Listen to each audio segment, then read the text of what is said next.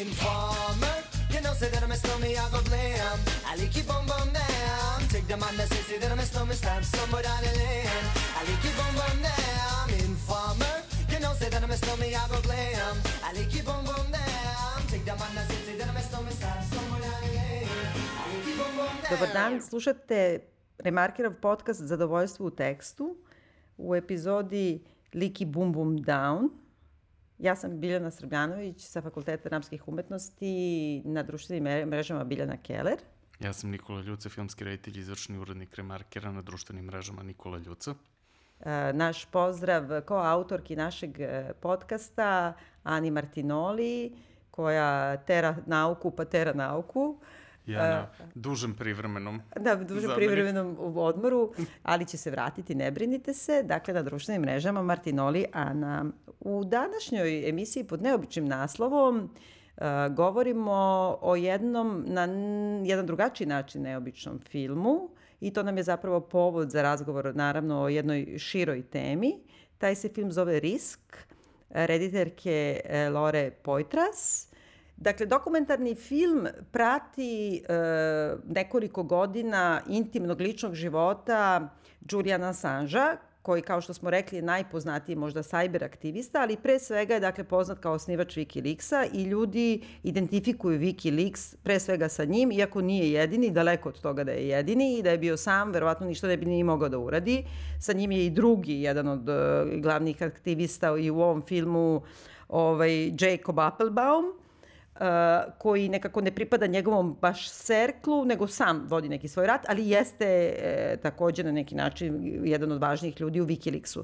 Wikileaks se zapravo proslavio e, najpre kada su objavili na internetu, dok još internet manje više bio nevin, znači 2006. 7. godine, snimke koje je jedan od radnika američke vojske kao kompjuterski wizard, jeli, e, tada se zvao Bradley Manning, e, downloadovao i to su snimci bili dronova kako američka vojska ne samo hladnokrvno nego i podsmevajući se likvidira civile po Iraku.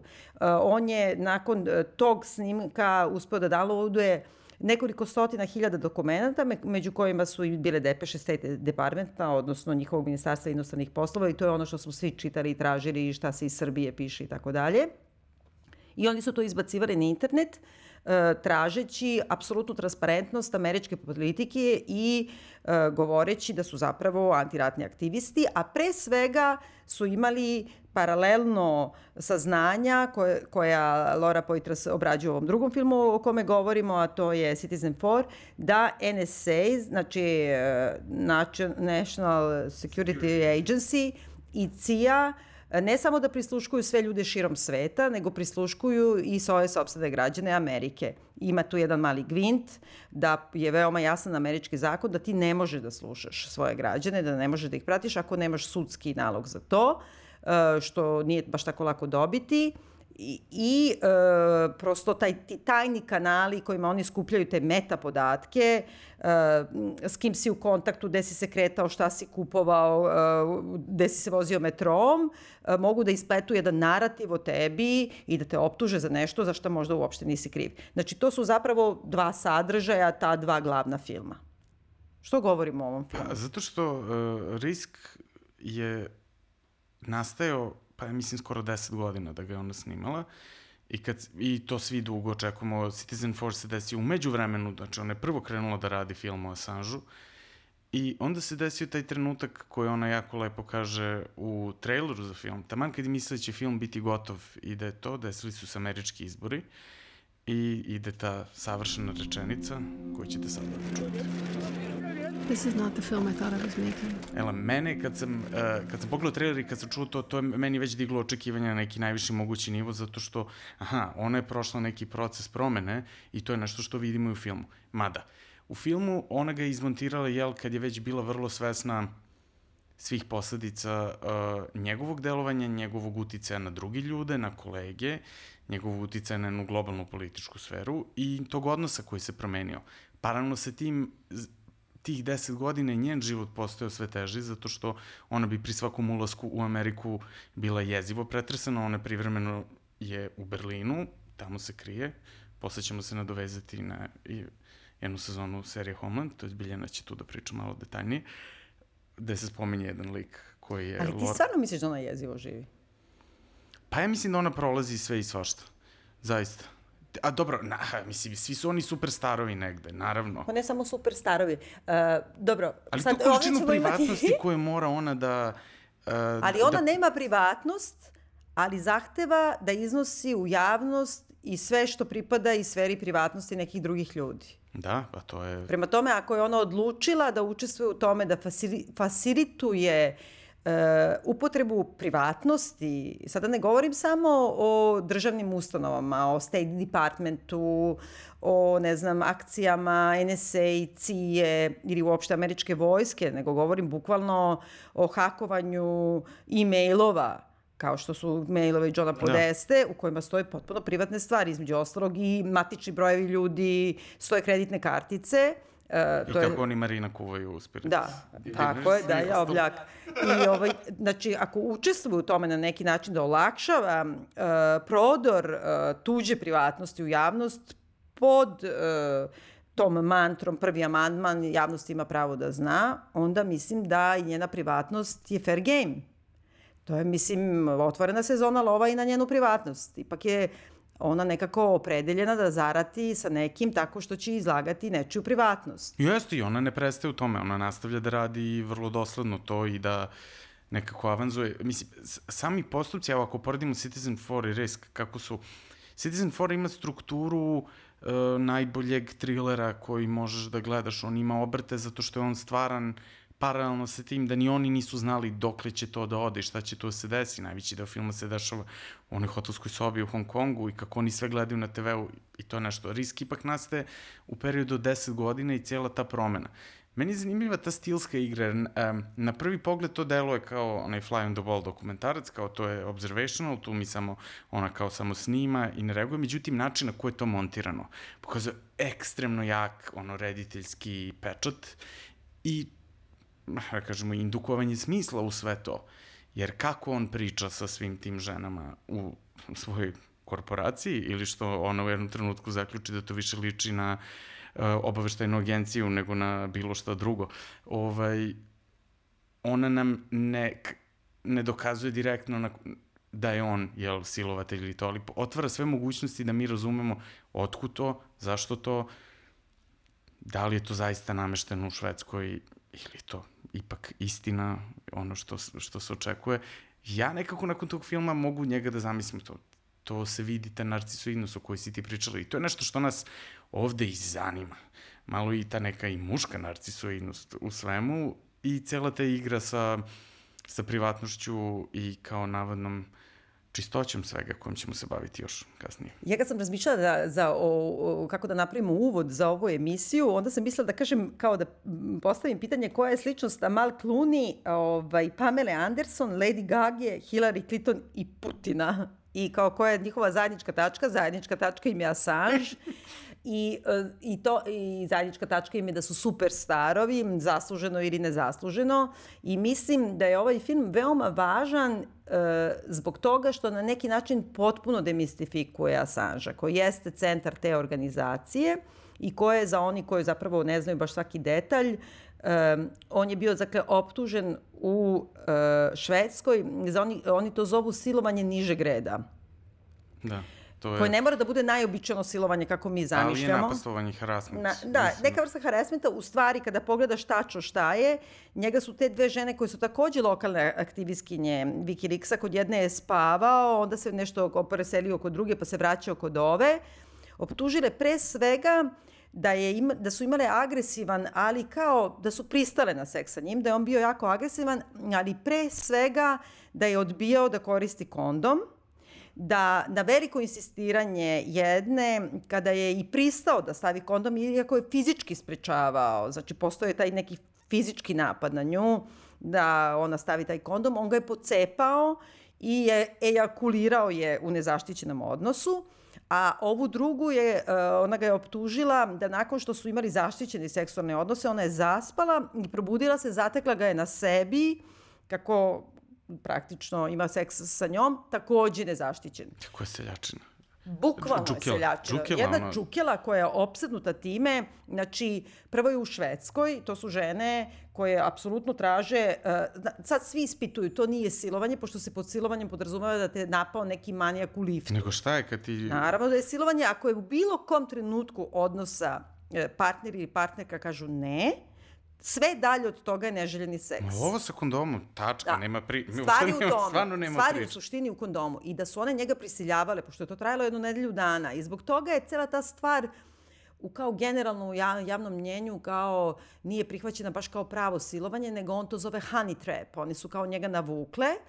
Ovaj, e, zato što je to trajalo neko vreme, pa kao one, on je ostao da spava kod ove jedne, ona je morala da se isari kod neke drugarice. Znači, niko tu nije prebijen, nije to jedan neki akt silovanja, nego jednostavno ta džukela je, kad su ga one i terale obe, nevezano jedna od druge, da ide da se testira za sidu i za seksualno prenosive bolesti, on nije hteo, nego izbegavao nešto. Onda su one nešto šiznule, obe išle da se testiraju, jer vide s kim imaju posla. I to Znači, je... mi pričamo o šveđankama koje su, da. Da. kažem, vrlo oslobođene u svakom smislu. Tu nema patriarhalnih, lažnih, e, vrlo je slobano društvo u tome. Znači, one nisu neke e, pogubljene i polupane e, klinke iz neke patriarhalne sredine kojima može lako se manipuliš. Znači, Da. meni je to prvo bitno. Pazi, Ne, ne, to je toliko, ja mislim, najodvratnije u svemu, zato što on je do te mere, i to se u ovom filmu vidi, ima taj mesijanski poremećaj neki, Da. i on misli da je svaki njegov spermatozoid vredan. I da on jednostavno ima tu potrebu, pričali smo prošle nedelje o Mansonu, kako je on zahtevao od, od pripadnica svoga kulta da imaju što više seksualnih odnosa sa ljudima kojima oni biraju i da su nezaštićeni seksualni odnosi, ne bi se svaki spermatozoid iskoristio za nastavak njegove rase? Sve u ovom filmu, sve što on govori, kako se ponaša, kako poručuje hranu, kako se ophodi prema tim saradnicama, mi govori da je to jedan čovek koji ima težak narcisistički poremećaj i koji ima sliku o sebi i da je mesija. Kad pričamo o mesijanstvu, tu ima jedan kadar koji je pri samom početku filma, koji je baš jedan briljantan rediteljski postupak, još pre, nego, pre e, ekvadorske ambasade i sve, kad on ulazi u onu masu novinara. Se sećaš to kadra? Kadar Da. je snimljen iz- nekog gornjeg rakursa, ide Tu zoom se out. vidi Amal Clooney, levo od njega koja mu je bila advokatica. Ali vidi se taj njegov odnos. Evo, ja sam došao, ja sam sveta ličnost.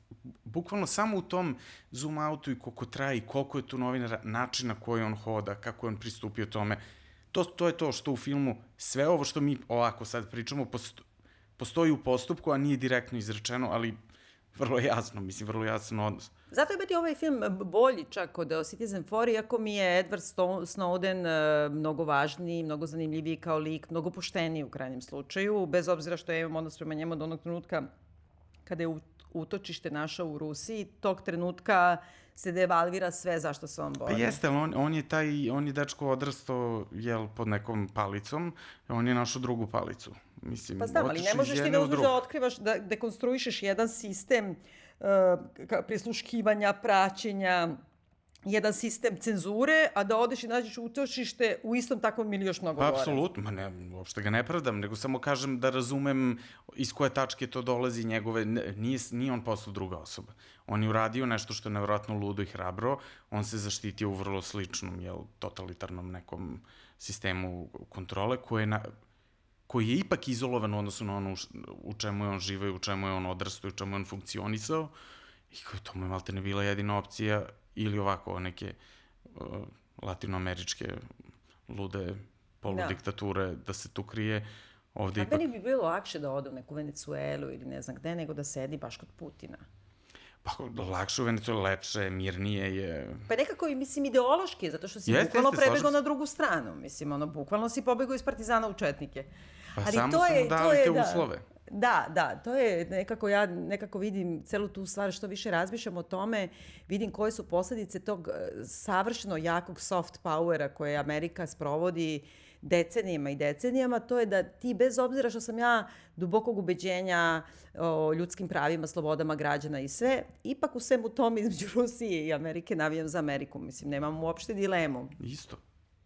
E sad, ovaj, zbog čega sam spominjala Amal Clooney, kao što sam rekla, ona je bila advokatica Assangeova do 2016. kada je Assange zaratio i sa Hillary Clintona, pošto je Amal Clooney sada sa Georgeom Clooneyem na neki način to kao aristokratija, stranka, da. da, liberalne Amerike i čak i pravila neke fa, fundraising gajbi. Naravno, svi su oni pravili. Pa da. E, onda je ona, ona je nitnula onda Assange, nigde nije javno. Rekla samo je prestala da, da se spominje, uopšte da ga spominje kao svog klijenta, mada se u tom jednom snimku vidi i vidi se da je to pre nekih plastičnih operacija.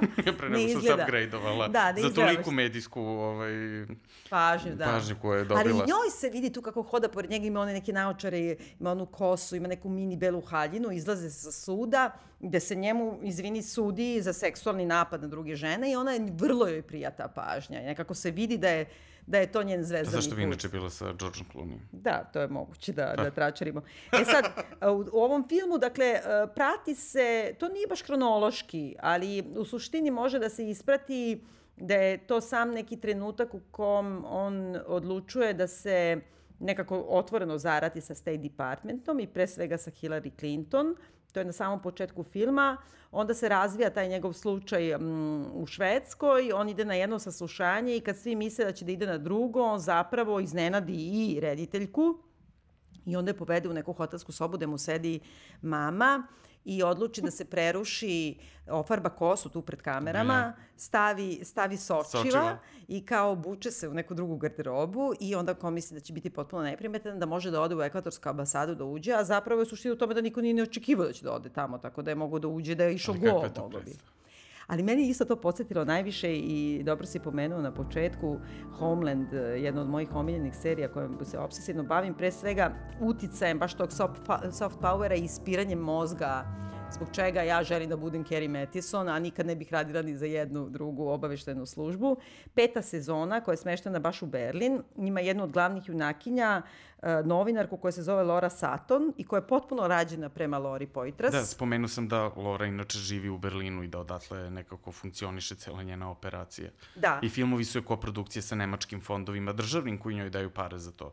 E sad, ova je ovaj, novinarka, mislim, ono je obnoxious stvarno. Ono, od prve epizode kad se pojavi, ona u stvari dampuje sve što dobije od nekog hakera, informacije iz cije, dampuje na internet, niko ne može da je zaustavi, ima neku takvu ideju kao da je ona željna neke pravde, nema pojma u stvari koju štetu pravi i potpuno je jasno kako, kako cija u stvari modifikuje ceo taj narativ na toga da se naljutiš na, na sve te hakere, ali mi je zanimljivo zato što ima u jednoj, na primjer, treća, četvrta, peta epizoda, kad krenu svi da jure e, Carrie Mathison, a onda ona kao po- pokupi svoje lažne pasuše i keš neki što ima i stavi kratku neku brown periku. I onda je stavi, onda je Queen pogleda i ona kaže kako izgledamo, a on kaže potpuno si druga osoba. Nije, nego si Carrie Mathison sa ružnom perikom. Tako i ovaj. Znači, on uzme i ofarba kosu mahagoni, ono ko babi što su farbale iz neke kao bočice, stavi neko sočivo i kao potpuno sam drugi lik. Samo je Nikome ne- bizar verzija sebe. Da, da, da, pa mislim ništa. ono, na, i tu se nekako vidi koliko je sumanuta ta uopšte ideja o prerušavanju, do koje mere ti ljudi počinju da žive po pa, u paranoji. Do Jeste, koje- meni je, de, meni, ja nisam gledao tu, ja sam prestao da gledam Homeland u, u trenutku kad je Brody otišao, meni je nekako odnos Carrie i Brody, meni je to bilo, mene je to vuklo tu da gledam taj... si mnogo pogrešio. Pa znam, znam, evo, ti si me ubedila da treba gledam četvrtu, pogledat ću četvrtu. Nekako to, e, tu petu, evo ja kao koji nisam gledao, ali tu, tu je bilo mnogo kontraverzi.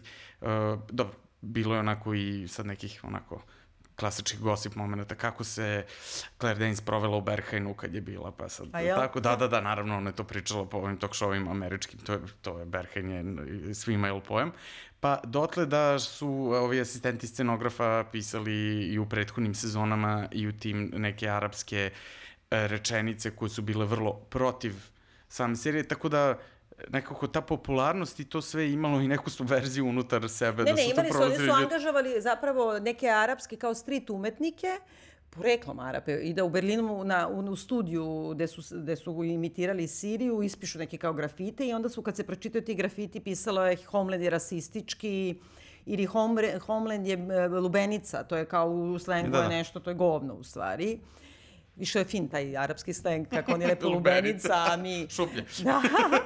I, ovaj, I to je zapravo bio kao zaista neki udarac iznutra, jer Homeland i jeste rasistički. I, e, I on je rasistički na neki način na koji ti nekako ne primećuješ i prijati. Pa zato što navijaš. Pa zato što navijaš, zato što, ti, da, zato što ti ispred mozak i želiš da radiš za ciju, mislim, a tako, to, to su ti radili 60 godina, tako su te naučili. E sad, um, Pamela Anderson je jedna od redkih osoba koja gotovo svako nedeljno posećuje Snowdena u ekvadorskoj ambasadi. Ona se ne pojavljuje u filmu, to mi je mnogo krivo, ali ćemo pustiti jedan od njenih intervjua sa Megan Kelly baš, gde ona Mhm. govori o tome kako je ona aktivistkinja, ona inače ide u, Kremlj vrlo često gde govori kao O ekološkim pitanjima. Da.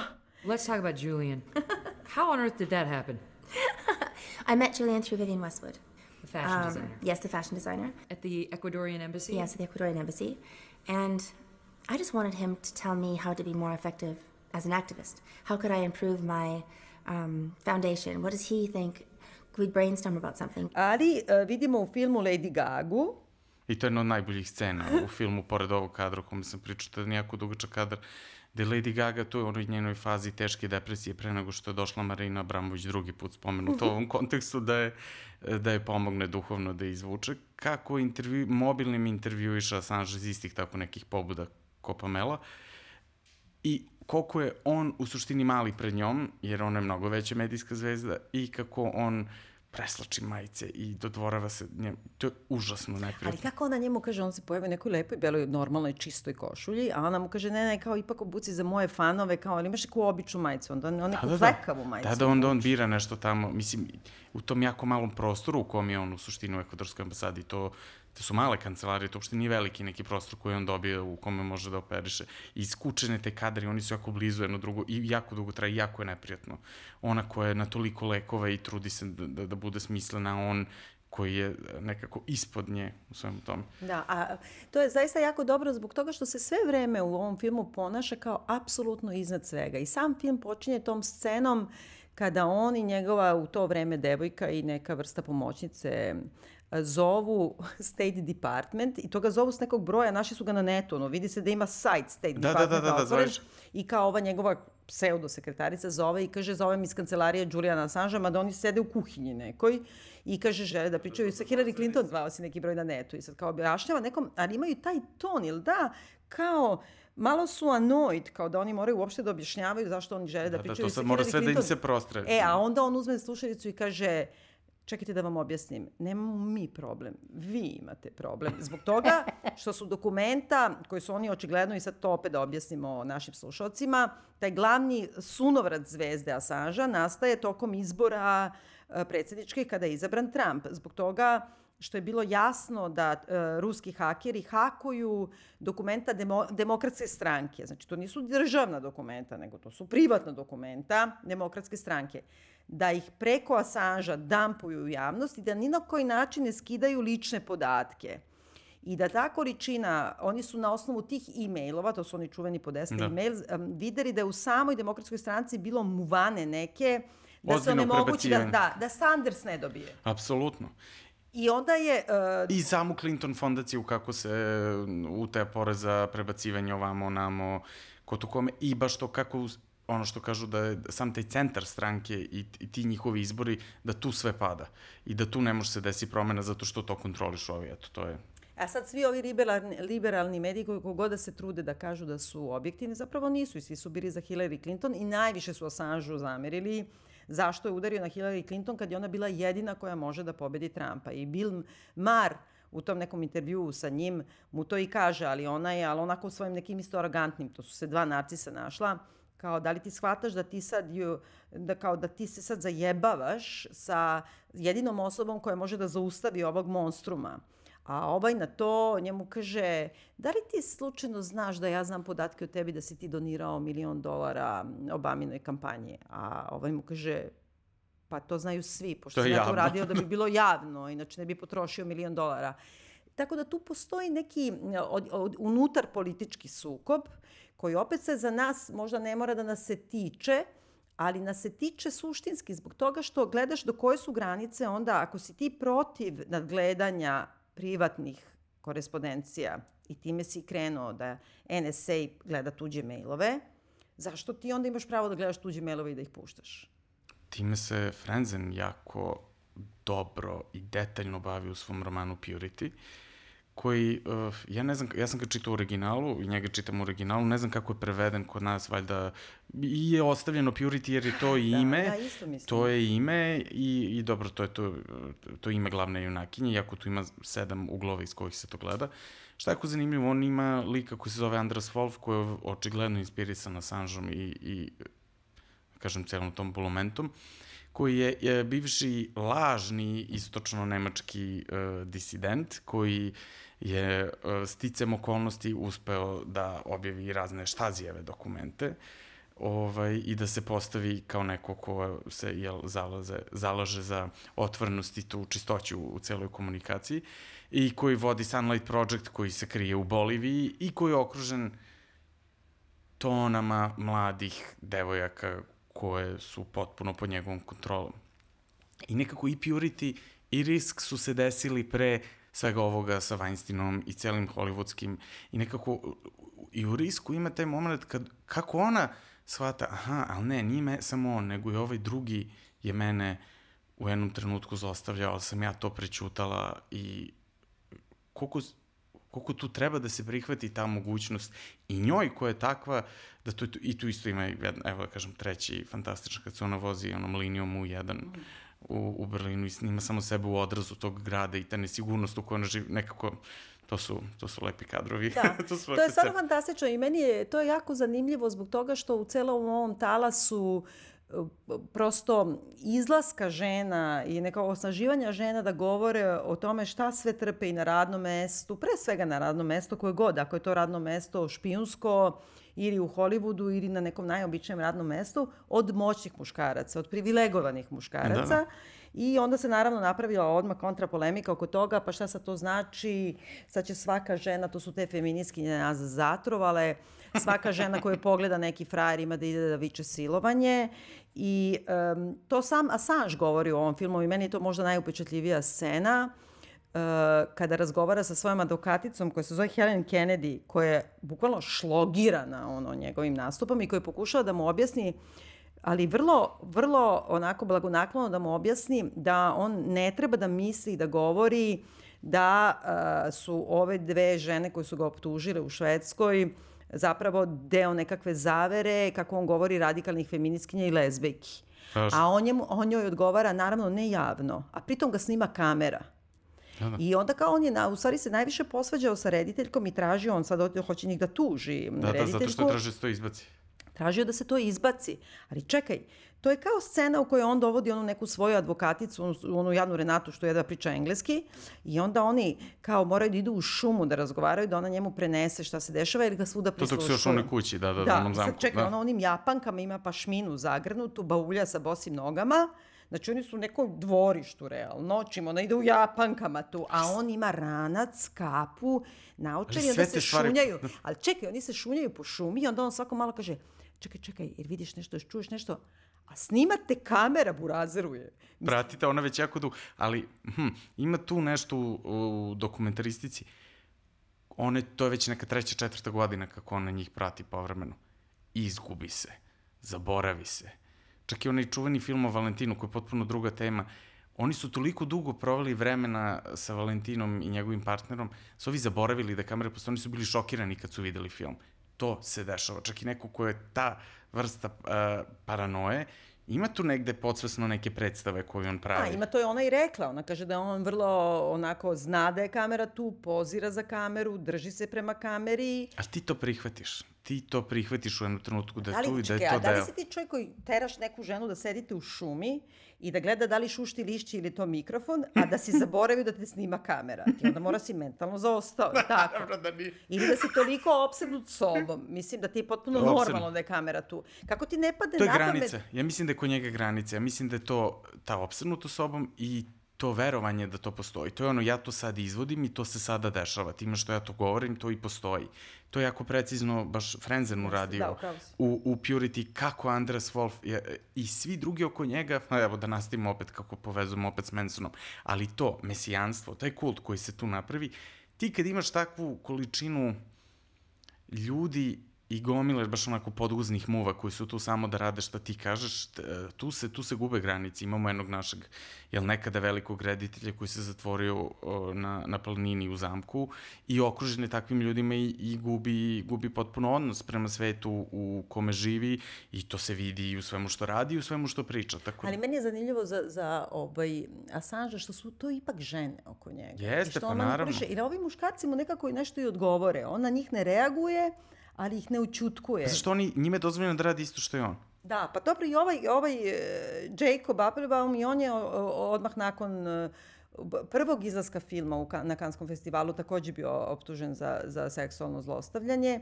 Ali čak se ovde više ni ne radi o zlostavljanju. Meni je isto upečatljiva scena u kojoj, kojoj on razgovara sa drugim, kao ima debrief sa jednim od svojih saradnika, koji, mu govori kako sad, šta mogu dalje sudski da rade.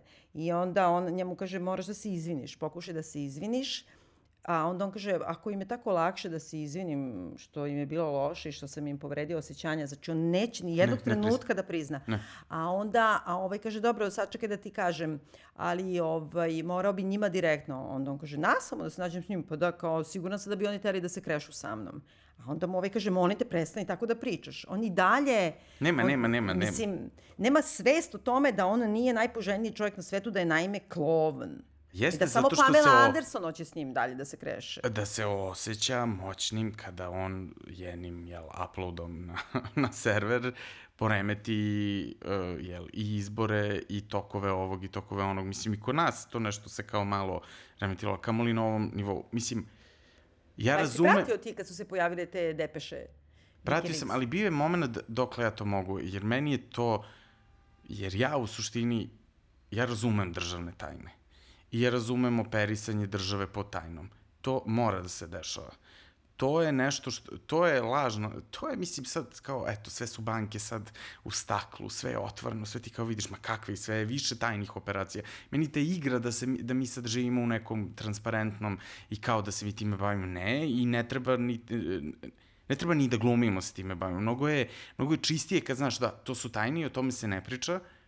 Ti mnogo pažljivije se baviš drugim stvarima koje su tu okružene. To je, to je jedna, to je jedna onako, jedno sad vrzino kolo meni, u kome su se svi uhvatili, tako da, da se vratim, ja nisam mogao to sve da pratim, meni se malo to gadilo. Da. Meni ja to malo sam trash. pratila, pošto sam naravno obsesivna osoba, pratila sam i onda u, u to vreme sam čak e, ovaj, živela, bila udata za ambasadora jedne druge zemlje i onda se sećam kad su se pojavili da smo mi gledali, mi smo tad živeli u Baku i onda smo gledali depeše uh, američkog ambasadora s kojim smo se mnogo družili. I te depeše su bile u teme, mislim, bile su vrisak, zbog toga što je između ostalog u tim depešama su se nalazile Ajde što su se nalazile sva imena ljudi koji dolaze kod njega u ambasadu, koji govore, znači svih disidenata, koji su već ugroženi. I sad su, I e, sad su još upravo. sto puta ugroženiji, jer on to nije zacrnio. Izvini, Snowden je vodio računa da se niko ne ugrozi. Jeste. A onda su su bile na nivou, sećam se da je, na primjer, bio u poseti ovaj, Dick Cheney sa gospođom Cheney su dolazili u, ovaj, u Baku. I onda su kao, pošto oni kad pišu telegrame ti ambasadori, oni imaju, i neki literarni stil, nisu to gole informacije. I oni nekako nameću i svoje političko mišljenje i svako drugo mišljenje na jedan literaran zanimljiv način. I onda je on između ostalog pisao kako su imali glavni a, logistički problem, jer je gospođa Alijev, znači prva dama Da. Azerbejdžana, koju svi znamo kako izgleda, ovde je vrlo popularna, Pokroviteljka Eurovizije. tako je, trebalo da vodi gospođu Cheney po gradu i da je gospođa Cheney ocela bila u, u Hajatu, a došla je uh, Mehriban Alijeva sa svoje dve čerke. I kaže, onda je bio problem za protokol, jer je gospođa toliko operisana, tako pišu u depeši, da se nije znalo koja je čerka, koja je majka. Na kraju je, na kraju je Šarže, Šarže d'Affaires zaključio da mora da ona koja stoji u sredini je majka. To je naravno sve preterano, jer mi svi znamo na pamet ko je Mehriban i kako Mehriban izgleda, kako izgleda Leila, ali to je bilo onako malo da zavuči, da se dočara atmosferu. Mi smo se svi tome smejali. Ali je to zadruga u suštini. To je zadruga, to je To na je nivou zadruga. trača, bukvalno. Ja znam, na primjer, sad, sa te neke druge strane, koliko je to zakomplikovano, ne samo posao diplomatama, čiji je posao da ipak održe neku unutrašnju Apsolutno, tajnu. pa čemu onda diplomatija? Pa da. Ti, postoje Tačno. ljudi koji moraju da znaju neke stvari u odnosu na druge da bi moglo se operiše na tako visokom nivou. Mislim, to je jedna meni vrlo Ali ja naivna mislim iluzija. kao i kod nas, što mi je bilo najzanimljivije da vidim koliko bedni Vuk Jeremić se ulizuje po desti u podestinim mailovima, ovamo se pravi da je protiv Hillary Clinton, a tamo se predstavlja, na primjer, da je baš u podestinim mailovima je izašlo e, da se predstavlja da je osnivač otpora i da je bio jedan od najvećih disidenata u Miloševićevo vreme, iako mu je otac bio Miloševićev funkcioner, iako sve vreme bio u Pare on Engleskoj. studirao u Pa Americi da. i Engleskoj, E, to nema se zezati. Da. I onda, e, i kako mu nudi saradnju i nudi mu lobiranje i ovo i ono. E, Znači, to mi je bilo zanimljivo, isto mi je bilo zanimljivo ovde kad to 2000, ne znam, pete, šeste, pa kao šta je rekao Boris Tadić u ambasadiri, šta je rekao ovaj. Ali de facto to ugrožava gomile ljudi koje imaju neku drugu vrstu odnosa sa ambasadama i koje smatraju da je to neka vrsta i poverenja. U krajnjem slučaju, ako ništa drugo, ne žele da im se ime pojavljuje. Možda organizuju, ne znam, ono, sportsku aktivnost, potpuno nebitno. A treća je dimenzija toga što je mnogo ljudi očigledno, i za to je Assange direktno kriv, koji su bili ono izvori u ovim nekim ratnim područjima nastradalo Da. u arapskim zemljama. I onda kad ti izdampuješ sve tako ono, podatke, kao... Ja sam volio da čitam, sad se setio ni Sonijev dump, e, naročito dopisivanje Da. Scotta, Rodine, Amy i Pascal, pa to je, To je dobro, briljantno, da. To je briljantno kako pričaju o, o, o želji Angelina Jolie da igra Kleopatru i da to bude musical.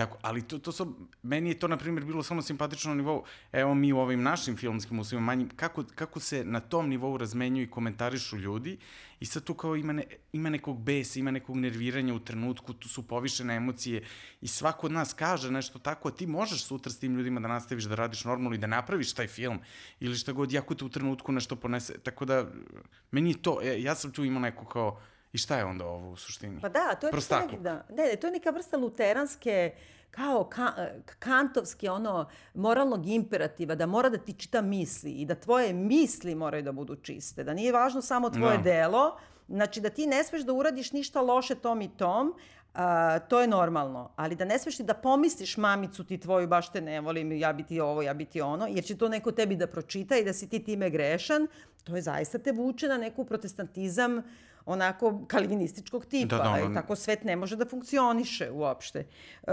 uopšte bi se to naravno nije dopalo, ali ipak od svih njih e, nekako mi je najtužnije zato što najmanje, najviše, najmanje se pažnje posveti Chelsea. Chelsea. Da. Mislim, koja je ipak jedna, jedna tragična žena, jedna veoma tragična, e, tako, sa traumama, koja je otišla u vojsku ne znajući ništa, koja je Znaš sa kojom otkrila... identitetskom krizom je Da. ona otišla i kako su je posle svi istretirali i kako Obama i na kraju, po- pored silne one peticije da je pomiluje da o, nije to uradio. Pa ne, on je pomilovao, on je nju, mislim, oslobodio, on je njoj Ali ono... nije na način na koji bi to trebalo da se uradi, da se Ja mislim da je Obama to uradio najbolje. Nemoj mi diraš šta A, rekao ne, Obama. ne, ja u nemam, ja imam problem, ja imam problem tu sa tim, zato što to, to, ceo taj pritisak da se to postavi na jedno mesto kako jeste, da je to ipak bilo u funkciji poboljšanja Ali nečeg. čekaj, to onda otvara priliku da svaki sledeći to može da uradi. Ko je taj ko će da odluči da je ovo bilo u funkciji, a ovo nije bilo u funkciji? On je jedino što je mogao je da tu ženu izvede iz zatvora i to je uradio. Jedino što je mogao. Da je on njoj daje za pravo, da je ona imala pravo Ne, da ne mislim, ne može on da da, ne može on da da za pravo, ali da se to podigne na jedan nivo, da se o tome malo diskutuje, da se odvoji to u od, od Snowdena, Assange i to. Znam, ali Chelsea Manning, ona nije imala svest, ona nije imala humanitarnu neku viziju. da. Ne, ona je jednostavno naletela na to, ona se zgrodila, zgrozila kao ljudsko biće. Ona I od- nije razmišljala o instinktivno je odreagovala, jeste? I onda ali to- to... je uzbudljivo, meni je pa baš Pa tu. jeste, ali, ali s druge strane, da li sme tako da se radi? Ma ne, znam, pa znam, sad sam sebi uskačem u usta sa tim, ali nekako Mislim, taj snimak koji ona pušta i koji, koji se pojavljuju u ovom filmu u kome ti stvarno vidiš kako se oni podsmevaju, pobili su decu ljudima i onda kažu uh, pa kao što da im radimo što dovode decu u ratnu zonu. Brate, nije ratna zona, to je njegov grad. On je ispred svoje kuće sa decom i ti si ih pobio iz drona. Znači, to je stvarno strašno svedočanstvo rata, ali sve drugo što ide uz to, sva druga eh, ogromna količina tih eh, podataka koje su zaštićena, E, to otvara jednu Pandorinu kutiju, ja mislim, koja ne može da vodi dobrom. I s druge strane, e, s druge strane te zavese ili te neke granice, imaš drugu super silu koja sve to isto radi samo silom se štiti mnogo jače od upada takvih hakera. Evo sad ću da citiram uh, našeg druga i kolegu Milana Marića koji je rekao Balkanskom ulicom sa Vladimirom Putinom, tako je on nazvao ovo što je Stone radio, jesi ti bacila pogled A, pa na mi tu smo imali neprijatnost? podcast o tome, samo nisi slušao. Ne, ne, ne, ja tebe sad pitam na celu tu, na ceo taj ton, uh Mhm. -huh. na, kako se nastavlja na Snowdena, na film o Snowdenu, na sve to, šta je to? Pa ja mislim učeni Oliver Stone je mnogo ostario i mnogo lako bio izmanipulisan. I uopšte kad sam tražila sad malo da se pripremim za ovaj podcast, gotovo sve snimke na YouTube-u koje nalaziš da Assange govori su Russia Today.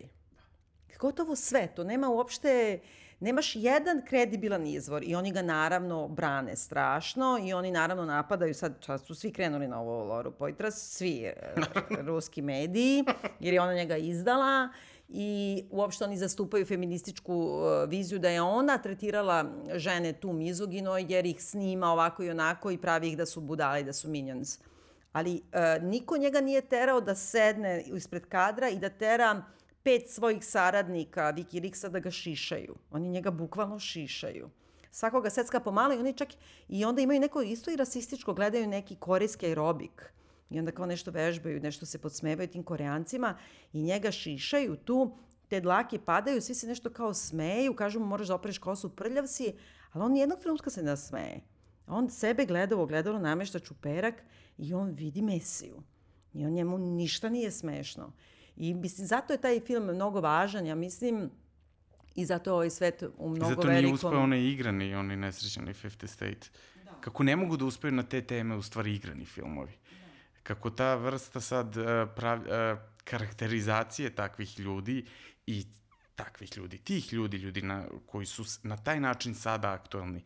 Ni jedan od tih filmova, pa koji su rađeni u trenutku dok je neko to ne može, nekako bez te distance, pri, pričamo o igranim filmovima, ne može da zaživi, ne može da ima tačku koja te povuče, koja te koja ti zaista kaže nešto novo, Da, da, da tako bude reke ozbiljne than life. Da, to je potpuno tačno. Meni je možda i za kraj, možda nije loše da, da to spomenemo, ipak najupičljivije od svega, Laura Poitras, dakle ona jeste kao disidentkinja, borkinja za prava, za ovo za ono. Roditelji su i prebogati, oni su nešto donirali 20 miliona dolara za neki institut za istraživanje bipolarnog poremeća koji ima Kerry Mattison, dakle opet se vraćamo na Homeland. Povezujemo sve. Ali ne samo, onda je dobila Oscara, Uh, kada se popela da primi Oscara, pored nje je stajala devojka Assangeova. I onda kad vidiš onaj snimak, ona jedna što ima Jeste. onu tutu, haljinu i ono, to je kao Assangeova devoj, riba Pa kao to je, ri, došla. to je bilo pre, mislim, ta, ta Ne, ne riskošo- Assangeova, izvini, lupam, ne Assangeova, nego Snowdenova. Snowdenova, A, ona riba, da, da, da, da, da, Mislim, da. ono šta će ona da primi Oscara uz,